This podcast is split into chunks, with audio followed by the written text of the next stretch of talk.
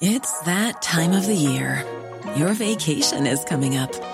You can already hear the beach waves, feel the warm breeze, relax, and think about work.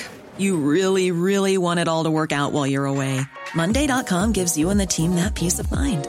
When all work is on one platform and everyone's in sync, things just flow wherever you are. Tap the banner to go to Monday.com. Many of us have those stubborn pounds that seem impossible to lose, no matter how good we eat or how hard we work out. My solution is PlushCare. PlushCare is a leading telehealth provider with doctors who are there for you day and night to partner with you in your weight loss journey. They can prescribe FDA-approved weight loss medications like Wagovi and Zepbound for those who qualify. Plus, they accept most insurance plans. To get started, visit plushcare.com slash weight loss. That's plushcare.com slash weight loss.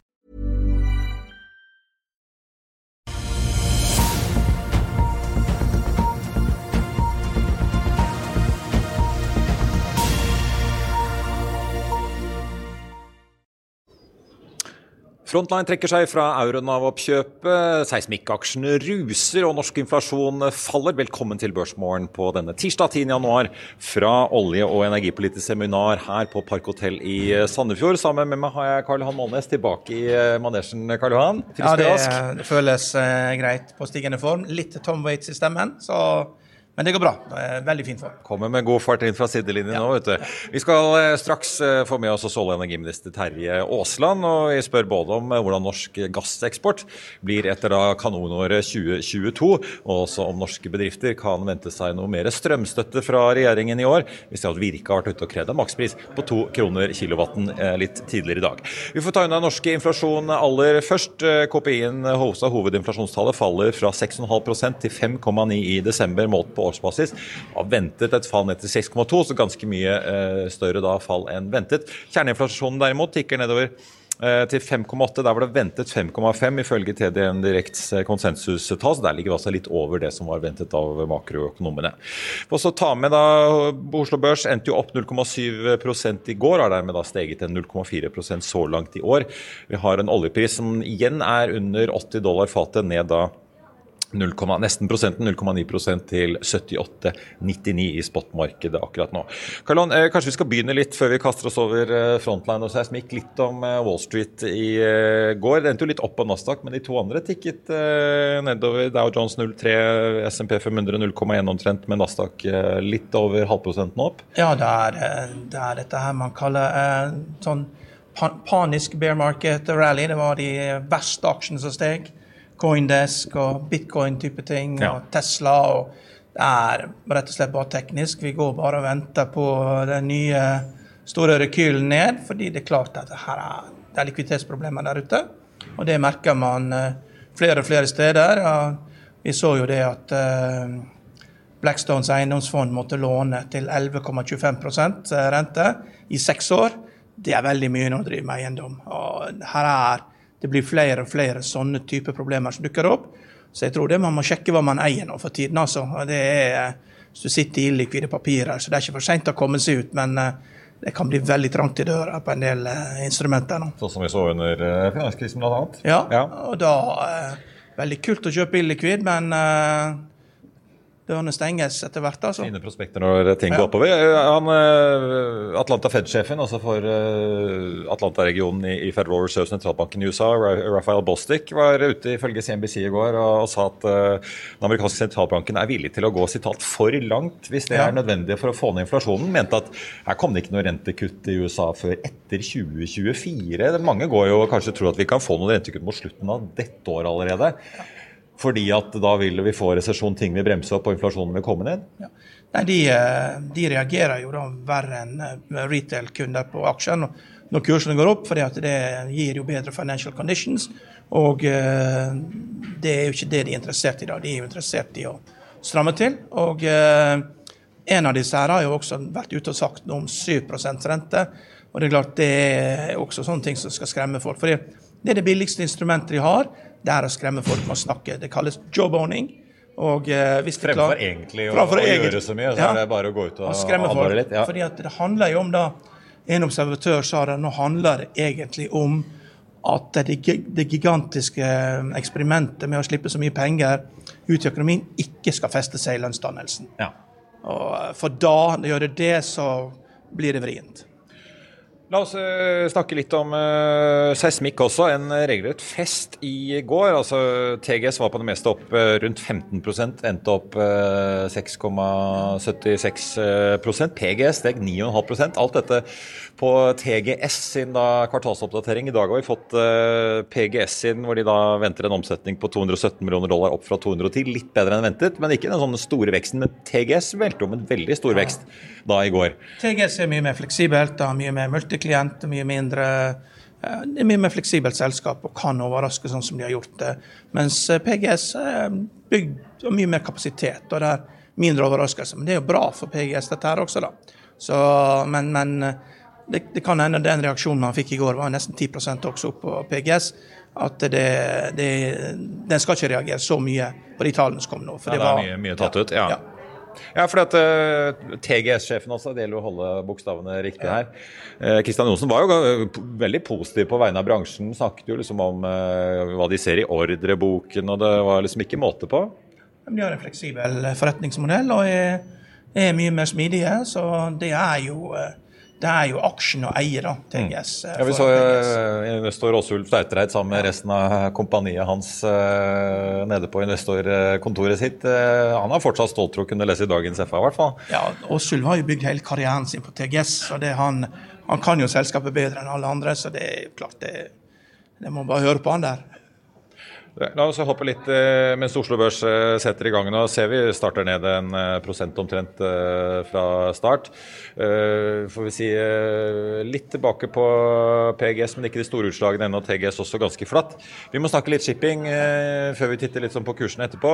Wilson er ute og sier de vil kjøpe tilbake egne aksjer og stryke selskapet. men til en market cap da på 3 milliarder. Litt mer interessant, eh, kanskje som eh, mange fikk med seg i går kveld. Frontline trekker seg, kom meldingen like før midnatt eh, fra oppkjøpet av Euronav. Ja, de har jo møtt motstander fra Savri-familien, så de fikk jo ikke til en fusjon da ved å anerkjente jo at de ikke kom og oppnå, oppnådde det antall aksjer de trengte, og ville da prøve å gjøre et rent oppkjøp med å komme over 50% Men nå gir jo de seg også på det, og årsaken til det er jo da at de de ser at eh, markedene er sånn at det, det, er ikke nødvendig å gjøre det akkurat nå. og Det er jo en markedsmessig vurdering. da. Det er ikke noe vits i å stå noe mer på det. Så det, det må man jo bare respektere, og det er jo en markedsmessig betraktning. Og de ser jo også, eh, de har mye mer oversikt over konsekvensen av krigen i Ukraina også når du tar beslutningen nå, enn for et halvt år siden. Ja, men Er det et nederlag for Jon Fredriksen? Han begynte jo å kjøpe seg opp i disse selskapene sine for godt over nei, et år siden. Nei. I april i fjor så kom jo annonseringen om at de ønsket å fusjonere, nå blir det ikke noe Han har jo den perfekte måten å gjøre oppkjøp på. For det når han uh, har den mest gira tankflåten, og han gir et tilbud i aksjer, uh, så kan han si at du får aldri et bedre tilbud. For uh, hvis, eh, hans aksje vil jo alltid gå mer mm. i et stigende marked, og hvis markedet faller tilbake, så kan han sjøl kjøpe det privat i kontanter ja. etterpå. Så han har jo fleksibilitet til å gå begge veier. Eh, så det, det er overhodet ikke noe nederlag. Det er en forretningsmessig vurdering. Og, men det vil jo utløse da at du får en del short-covering. Det er en del folk som har vært eh, short frontline og long euronav, og motsatt det her skulle komme et oppkjøp. og alle de som har gjort det, de, det er ikke fordi at de hadde noe spesielt negativ tro på eh, Frontline, men de har sikkert sett på Nettasset Value og gjort en feilberegning. Så her får du da short covering i Frontline, og du får kjøp i Euronav. Ja, I etterhandelen på Wall Street i går var Frontline opp nesten 15 Jeg Jeg ja. ser den eh, starter opp en 1,8 foreløpig på Oslo Børs. Ja. Uh, nei, det var New York-børsen. Skal jeg slå opp i Oslo Børs uh, mens vi uh, prater litt? Men altså, de skulle jo få ut masse 60 millioner dollar i synergier, skaper liksom en markedsleder med over 40 milliarder i markedsverdi, 69 VLCC-er, 57 Suez-makser. Det var jo en bauta i bransjen dette skulle bli, da. Ja, Men motparten vil ikke danse, og da er det ikke noe å gjøre med det. Nei. It takes two to tango. Nå sier, ikke, sier Lars Barstad at, uh, at uh, nå er det full prioritet på utbytter i Frontland. En interessant aksje kanskje å eie for mange? Ja, nå får du momentum. Så det er og så er den sikkert 19 fra start her, så ja. åpenbart eh, mye ja. uforløst potensial ja, det, med den kanselleringen av toppkjøpet. Ja, det, det, og de som har vært short, det er rett og slett en kalkulert risiko de tar. og dette er institusjoner som leter etter å produsere 1% stabil avkastning hver eneste måned. Høres veldig kjedelig ut for en nordmann, men det fungerer. Mm. Og det er ikke alltid det går rett vei. Vi skal få en olje- og energiministeren eh, hvert øyeblikk. Jeg tenkte bare å nevne at uh, hovedveksten på Oslo Børs startet ned prosenten så langt i dag, med da en fire minutter inn i handelen. Nordsjøoljen ligger ned litt over prosenten til 78,82. Det trekker jo da mange aksjer ned. Vi ser PGS falle en god del tilbake i dag, ned nå 7,2% mens TGS ligger stabilt da etter gårsdagens opptur på nesten 7% opp 0,1% så langt i dag for TGS. SalMar ned en snau prosent. De kommer jo da med en oppdatering oppdatering på sitt fjerde kvartal i eh, går, hvor de da melder om en slakt på 62 700 tonn. Det var bedre enn de drøye 56 som har ventet. Også bedre, litt bedre enn eh, guidet på 2022, 193 700 tonn mot da guidingen på 180. Og så guider de da på hele 243 000 i år, takket være da oppkjøpene selvfølgelig i NTS, NRS og Salmo Nord, får vi si. Å ta med der på tampen. Og så får vi også ta med et lite apropos. Eh, strykningen av NTS-aksjen er påklaget, så Oslo Børs har varslet at den eh, blir utsatt eh, noe. Vi er straks tilbake med olje- og energiminister Terje Aasland. Vil du bli oppdatert på det viktigste som har skjedd innen finans og næringsliv? Da er det bare å følge med, for hver morgen er jeg, Marius Lorentzen og aksjekommentator Karl Johan Malnes på plass i studio for å ta tempen på dagens marked i Børsmorgen. Og hver ettermiddag oppsummerer vi alt du trenger å vite i økonominyhetene, og det blir selvfølgelig masse interessante gjester.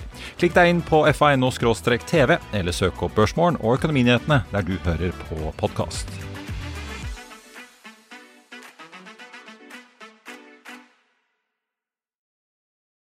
Da har vi fått med oss olje- og energiminister Terje Aasland på morgenkvisten like før denne olje, olje, nå må jeg ta det riktig, olje- og energipolitisk seminar begynner. Tidligere het det jo oljeindustripolitisk, så de har jo blitt eh, litt mer i tiden med navnebytte her også.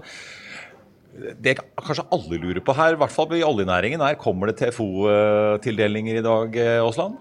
Ja, Det kommer jeg til å snakke om i talen min eh, inne i dag, og jeg gleder meg til å snakke til en så skal vi si, engasjert forsamling og så viktig forsamling. Eh, vi trenger mer energi, og en av grunnlagene for å sørge for det, det er jo at vi sørger for å videreutvikle norsk sokkel. Eh, og det handler jo om at vi må ha forutsigbarhet på det også.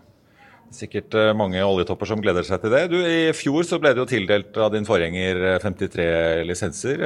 Kan du si noe om hvordan interessen er for å søke nye lisenser på sokkelen, og kanskje hvor mange du vil dele ut? Nei, altså, vil, tar, altså, det er stor interesse for de modne områdene våre, der hvor vi har en infrastruktur. Vi ser at det er uh, betydelig oppmerksomhet rundt det. Mange av de PUD-ene jeg også fikk i løpet av 2022, som jo er et rekordår Altså utbyggingsplanene for nye ja, prosjekter? Ja. ja, som er et rekordår. Handler veldig mye om prosjekter der hvor det er etablert infrastruktur, og hvor prosjektene er egentlig en forlengelse av de allerede pågående operasjonene på norsk sokkel. Så Interessen er veldig stor der. Eh, og så er jeg helt overbevist om at vi også etter hvert får enda større interesse rundt eh, Barentshavet og utviklingen i nord. Eh, fordi det er spennende muligheter der. Og de ressursene vi liksom ikke har oppdaga ennå, de er jo der. Så det blir vi også veldig viktig. Jeg, jeg tenkte å spørre deg hva, budskapet ditt er til næringen her i dag. Vi, går, vi har jo nå akkurat avsluttet et uh, mildt sagt interessant og krevende energiår. 2023 ser jo ut til å bli, uh, om, om, ikke i hvert fall like spennende, like krevende for ganske mange. Hva, hva, er budskapet til denne forsamlingen her oppe, egentlig? Ja, aller først i dag så har jeg lyst til å rette en takk til hele olje- og gassindustrien og til alle som jobber i den fantastiske industrien vår. De har vært med på å bidra til energisikkerhet i Europa. Økt eh, eksporten av gass fra norsk sokkel med 8% i løpet av 2022. Det er omgjort i elektrisitet 100 TWh. Og nå ser det ut som at vi kan klare å opprettholde, eh, og vi har eh, gått ut med det, vi klarer å opprettholde det nivået i 2023. Det betyr veldig mye for Europas eh, energisikkerhet og mulighetene kommende vinter. Hey, I'm Ryan Reynolds. Recently, I asked Mint Mobile's legal team if big wireless companies are allowed to raise prices due to inflation. They said yes. And then when I asked if raising prices technically violates those onerous two-year contracts, they said, "What the f*** are you talking about? You insane Hollywood ass." So to recap, we're cutting the price of Mint Unlimited from $30 a month to just $15 a month. Give it a try at mintmobile.com slash switch. $45 up front for three months plus taxes and fees. Promo for new customers for limited time. Unlimited more than 40 gigabytes per month. Slows. Full terms at mintmobile.com. I'll see you in court. Vi sier det ofte litt på spøk, men for deg som driver business, er det aldri moro å innse at du ikke har laget en 100 gyldig kontrakt. Du bør ikke risikere hele firmaet ditt fordi du synes dette med kontrakter er litt stress. En avtale er ikke en avtale. Du kan miste kunder, miste venner, ja, til og med miste inntekter om du ikke lager en skikkelig kontrakt, på alt mulig, egentlig. Men vi vet det er et styr. Kopimaskiner, tregprinter og haugevis av papir. Dessuten stoler vi jo på folk her i landet. Det er ofte litt kleint å skulle be om en signatur for alt mulig, ja, for mye av styret handler også om jakten på underskriften. Det finnes en enkel måte å løse dette på, Dukkobit, en trygg, effektiv og get this, gratis måte å sikre seg en god natts søvn pluss en juridisk bindende avtale. Dukkobit-appen har de strengeste sikkerhetskrav i bunn, samt en EU-godkjent og sertifisert teknologi. Framover vil det bli behagelig å spørre du, skal vi skrive under på det, eller? Kom i gang på dokobit.no.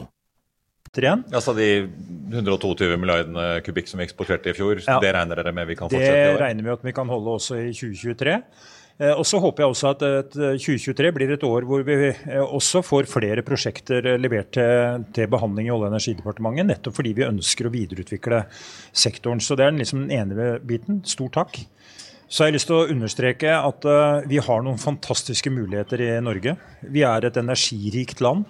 Uh, og det å snakke om energisektoren i sin helhet, altså de fantastiske uh, mulighetene vi har med å se olje og gass i sammenheng med fornybar, havvind, karbonfangst og -løsning, og ikke minst det jeg opplevde i forrige uke, hvor jeg hadde gode møter med visekansler Habeck, Eh, og hvor vi forsterka det tysk-norske samarbeidet, så er det store muligheter for norsk industri, norske arbeidsplasser og framtida vår. Men si litt om, eh, Vi skal komme til strøm, men vi må ta olje og gass først. Si litt om energiåret 2023. da. I fjor, selv om Russland endte med å omtrent stenge igjen eh, det som er av rørledninger og eksport av også olje til Europa, så blir jo 2023 enda mer krevende. Europa kommer ikke til å få noe gass sånn som det ser ut nå inn i det hele tatt. Og er det avhengig av Norge, land i Nord-Afrika eller LNG LNG-import fra andre regioner. Og så treffer jo da produktembargoet på russiske oljeprodukter også inn etter planen da 5.2. Mm. Etter oljeembargoet nå i eh, desember. Vi klarer å opprettholde gasseksporten, men, eh, men, tror du det blir ordentlig stramt og energimangel som følge av dette her? Russland har jo vært verdens største eksportør av fossil energi. Ja, de har det, men så har også Europa, og spesielt kanskje Tyskland, gjort en fantastisk innsats når det gjelder å ta bort en del flaskehalser på LNG-sida. Så i min samtale med Habek så var han mer rolig for neste vinter nå enn da han var for noen måneder siden. De klarer å levere eh, raskt på dette med å få bort flaskehalsene, bygge en infrastruktur for LNG. Og de tror tilgjengeligheten på LNG kan være der, men det er klart det er veldig stor usikkerhet nå. Betydningen av norsk sokkel, norsk gass, eh, vil eh, være all time high også gjennom 2023, fordi det er så viktig. Eh, og Så blir det spennende å se. Det er veldig mye usikkerhet. Men eh, hvis vi klarer å opprettholde eh, vår produksjonskapasitet, ha høy eksport gjennom 2023, og samtidig at den klarer å få bort flaskehalsene på LNG-sida, så vil tror jeg mye være bedre enn det vi kanskje har frykta. Men det er ingen tvil om 2023 og 2024 blir et krevende år. Det var jo nesten en angrende synder. Visekansleren som kom på NOs årskonferanse her i forrige uke og var ganske åpen på alle feil feilene han mener Tyskland har gjort i energipolitikken. Hvis man ser litt på de mange pundene utbyggingsplanene du fikk før eh, jul, så er det jo 300 milliarder eh, kroner vel i eh, investeringer. 13 pudder, men den eneste ordentlig store av de er jo dette Yggdrasil-prosjektet, tidligere kjent som Noaka. Mm. Gitt dette voldsomme energibehovet i Europa og at vi vet at norsk sokkel kommer til å falle produksjonsmessig utover 2030-tallet, trenger vi et litt sånn taktskifte fremover nå fra næringen som sitter her oppe og planlegger hvor mange letebrønner og hvor mange utbygginger de skal gjøre? Ja, vi trenger jo, Virker det som mer aktivitet i Barentshavet? Ja, vi, vi, vi, trenger å opprettholde tempoet. Derfor har vi vært veldig tydelige. Vi skal videreutvikle norsk sokkel. Eh, og vi trenger å øke interessen for, også for Barentshavet, hvor de framtidige, mest sannsynlig uoppdaga ressursene foreligger. Finne gode evakueringsløsninger f.eks. på gassen fra Barentshavet. Hvordan vi skal transportere den til markedene, eller om vi skal utvide kapasiteten på, på Melkøya. Nå har jo eh, vi akkurat eh, rett før jul mottok en PUD for Snøhvit Future, hvor den liksom forlenger levetida fram mot 2040 for, eh, for uh, Hammerfest og, og, prosjektene der. Kjempeviktig, kjempespennende. betyr arbeidsplasser, sysselsetting, investeringer og energisikkerhet også det. Og så legger vi også et grunnlag da, når vi videreutvikler norsk sokkel. og det er liksom det som tar med det. Vi, vi, vi legger dette grunnlaget nå Eh, også inn mot en dekarbonisert løsning for eh, olje- og gassektoren. Altså hvor vi kan eh, konvertere naturgassen, ta ut CO2, produsere hydrogen, som et marked kommer til å etterspørre mer og mer i tida framover. Skal vi i hvert fall tro Tyskland, så er de veldig målretta på at hydrogen er løsningen i tida framover. Kan vi være der? Eh, være med å starte det markedet med, med, blått hydrogen fra naturgassen vår. Koble dette mot uh, uregulerbar kraft. Ta når det er overskuddsporteføljer på, på kraftproduksjonssida, så produsere grønt hydrogen. Så er dette en spennende framtid. Og norsk industri og Norge er plassert liksom midt i sentrum av disse fantastiske mulighetene. og Det er det som gjør det så spennende å være olje- og energiminister i disse tider. Du har jo to eh, får vi si, fagfolk eh, i eh, din sfære, både i Statnett og NVE, som også er ute og advarer litt om, hvis vi tar da strømmen til slutt, om hva i hvert fall de er bekymret for. Det ene er jo Hilde Tonne, Statnetts sjef, som har advart i deres prognoser om at kraftoverskuddet vårt det er borte. Vi går sannsynligvis inn mot et underskudd om bare et par, tre, fire år. Eh, og så ser vi NVE ber dere ikke forhaste dere på utviklingen av havvind, så ikke vi gjør noen beslutninger som kan gå på bekostning av ekspansjon eh, videre. Skal vi ta litt om strømmen først? Du skal jo nå snart møte LO, NHO og, og norsk eh, industri. Klarer vi å på en måte få bygget mer kraft for å unngå at vi havner i et underskudd plutselig? Ja, det tror jeg vi kan klare. Vi må gjøre flere ting på en gang. Det viktigste For Da trenger vi ganske mye kraft? Da trenger vi mye kraft. Og jeg har et blikk retta mot 2040-2050. Eh, eh, og det betyr at vi må kanskje bygge ut eh, to, altså en tredjedel, kanskje halvparten mer enn det av den kapasiteten som vi i dag har. Altså kanskje opp mot 240 TWh i forbruk fram mot 2040-2050. utgangspunktet som vi nå må ta tak i, det er for det første vindkraft på land. Eh, som er lett tilgjengelig, eh, er en rimelig eh, tilskudd til kraftsystemet vårt. Så det nå å sørge for å videreføre det regjeringen allerede er veldig godt i gang med Vi har tatt opp konsesjonsbehandlinga igjen for vindkraftanlegg på land. Vi kommer i løpet av veldig kort tid nå til å sende ut en høring hvor vi innlemmer Eh, plan- og bygningsloven i forbindelse med behandling av vindkraftkonsesjoner på land. Det er for at kommunene skal være trygge. sånn at kommunene, Når de sier ja til noe, så er det det som faktisk blir bygd. Vi har sett tilfeller av det stikk motsatte. Det er veldig uheldig. Da blir kommunene utrygge eh, og sier nei. Eh, og Det siste er jo at eh, nå har vi også skattesystemet for vindkraft ute på, på, høring. og Det betyr jo at vi må sørge for at det er mulig å investere, at det er lønnsomt å investere. Men samtidig at eh, de som stiller areal til disposisjon, altså kommunene, sitter igjen med mer av verdiskapinga. Og Klarer vi å knekke disse kodene, så er jeg helt overbevist om at vi kommer til å få opp også mer vindkraft på land. Så må vi bruke energien mer effektivt. Og så har vi denne gigantiske satsinga på havvind. 30 000 megawatt. Det er nesten like mye som hele det norske kraftsystemet i dag. Og Det som er så flott med den satsinga, er at vi kan fase inn den havvinden etter hvert som vi trenger den, for å liksom uh, sørge for at vi har et godt uh, kraftsystem i Norge. Og da er det det siste som gjenstår, det er at vi må sørge for at vi også klarer å få effektoppgraderinger i vannkrafta vår. fordi den dagen det ikke blåser, eller den dagen det ikke er sol, Eh, så vil vannkrafta spille en helt vesentlig rolle i å klare å levere det vi trenger. Må jeg spørre deg, Birgitte Vartdal, Nordensjef i Statkraft, ganske tydelig eh, her i forrige uke på årskonferansen NHO at hun kan ikke faktisk gi grønt lys. Hun kan planlegge, men hun kan ikke gi grønt lys til noen prosjekter i særlig betydning før den eh, høyprisbidraget i skattesystemet som dere innfører er borte. Ja, Statkraft bør absolutt Legger dere inn ting her som Nei. egentlig nå legger litt uh, kjepper i hjulene og bremser den kraftutbyggingen du uh, ser for deg her? Nei, på ingen måte. Jeg mener absolutt at det er uh, fornuftig, riktig og viktig. Uh, og en er uklok hvis en tenker også på, på, inntekter og avkastning på investert kapital i tida framover. Hvis en ikke går videre med den type prosjekter. Vannkrafta kommer til å stige i verdi fordi at effektkapasiteten kommer til å bli så verdifull. Så de som har muligheter og sitter på anlegget i dag hvor en ønsker å gjennomføre effektoppgraderinger, de bør absolutt gjøre det. Dette er investeringer som uh, skal vi si, blir realisert lenge etter at dette høyprisbidraget er ute, for det skal vi fase ut senest i løpet av 2024 eh, så er dette lønnsomme prosjekter som har også en tidshorisont, kanskje en levetid på 40-50-60-70 år. Så alle skjønner at eh, det å investere i, i eh, effektoppgraderinger i vannkraft i tida framover er lønnsomt. Kort til slutt, Aasland. Nå kommer jo denne energikommisjonen 1.2 med sin eh, rapport. Eh, vi har sett uh, denne uken krav fra Virke om makspris på strøm. Norsk industri har vært ute og krevd en støtteordning. Dere har jo laget én støtteordning for næringslivet. Private husholdninger har fått sin. Men til norske bedrifter som lurer, er det åpninger for endringer her og nye støtteordninger i løpet av året? Nei, det er det ikke. Vi har ett spor når det gjelder næringslivet. og Det er at vi skal få dette fastprismarkedet som nå er etablert, til å faktisk fungere.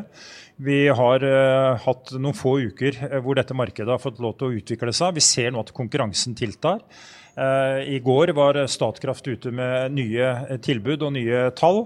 Uh, og jeg er helt overbevist om at det trigger konkurransen igjen blant de andre uh, store aktørene, og kanskje også noen av de mindre som vil absolutt være best i klassen. Så dette bringer prisene ned. Dette øker forutsigbarheten for næringslivet. Uh, og det markedet må fungere. Og jeg har én beskjed til kraftselskapene som produserer kraft i dag. De har et ansvar også for å bidra til at det markedet skal fungere, og jeg forventer også at de gjør det. Terje Aasland, olje- og minister, takk skal du ha, og lykke til på konferansen senere i dag. Tusen takk for det. Ikke noen nyheter på tampen som jeg tenkte det er verdt å få med seg før vi runder runder av sendingen. Kahoot-aksjen faller over 15% på Oslo Børs i dag. De kommer altså med en oppdatering for fjerde kvartal, hvor de i tillegg til å melde om 60 000 nye nettoabonnenter, så melder de også om en lavere vekst i fakturerte inntekter enn ventet pga. en oppbremsing i økonomien generelt. Selskapet varsler mer opplysninger og oppdatert guiding av 16.2 på fremleggelsen av kvartalsrapporten, men aksjen rammes åpenbart hardt av denne oppdateringen fra da el-læringsselskapet. Oljeserviceselskapet Selskapet Archer stiger litt over 2 eh, nå på formiddagen. De melder om at de kjøper et selskap som heter Romara Brado, med en selskapsverdi på 8 millioner dollar, som driver innenfor eh, plugging og forlating av brønner, på litt eh, kort oversatt oljeengelsk, får vi si. I tillegg så har jo vi fått litt oppdateringer fra Noram Drilling, som da melder om stadig økende rater, og at de nå per desember lå på 29 200 dollar i snitt da, med sine elleve rigger som alle jobber i Permian-bassenget i uh, Texas. De lover fortsatt en krone i utbytte da for desember måned, samme som foregående måned. Og de sier at i ordreboken nå så ligger de da med en snittrate fremover på 31 000 dollar eh, dagen. I tillegg så har Dolphin Drilling på tampen av gårsdagen meldt om mer arbeid for sin Blackford Dolphin. Foreløpig ikke noe nytt om kontrakter på da de to andre riggene som er i opplag hos riggselskapet til Bjørnar eh, Iversen. Hovedveksten på Oslo Børs hentet seg litt inn fra det fallet vi så fra start, nå ned 0,6% med en nordsjøolje som også har hentet seg litt inn, ned 0,85% i spotmarkedet. Ligger fortsatt under 80 dollar, på 79 dollar og 10 cent nå. Vi snakket jo litt om seismikkaksjene tidligere. PGS eh, faller kraftig tilbake etter oppgangen på nesten 10, 10 i går, ligger nå ned 7,6 TGS fortsatt eh, litt i pluss, opp 0,8% etter oppgangen på snaue 7% i går på deres kvartalsoppdatering. Og Så har vi da Frontline som suser oppover etter meldingen om at de dropper oppkjøpet av Euronav, denne tankkonkurrenten i Belgia. Aksjen er eh, nå opp 16,8% og har mistet litt av det aller største oppturen vi så på nærmere 20 eh, fra start.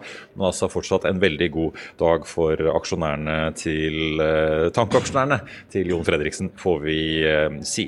Ellers har det kommet litt oppdateringer fra analytikerhold på Gjensidige og BVLPG. Hvis vi tar Gjensidige først, der kutter Citigroup kursmålet fra 180 til 168. Aksjen endte i går på 188. Og så har Clives Securities regnet litt på BVLPG, gassfrakt Rederiet tar de nå ned fra kjøp til hold, og kutter kursmålet fra 102 til 67. Aksjen endte i går på 68. 80. Og Det var børsmålen for denne tirsdag 10. januar. Husk å få med deg økonominyhetene klokken 14.30. Da blir det mer her fra olje- og energipolitisk seminar i eh, Sandefjord. Og så kommer jo da også SAS eh, sine trafikktall for desember måned klokken 11. De får det selvfølgelig både i økonominyhetene, men også på FA.no eh, da klokken 11 sammen med andre nyheter om hva som rører seg i markedet. Mitt navn er Marius Thorensen. Takk for følget denne gang, og så håper jeg vi ses igjen litt senere i dag.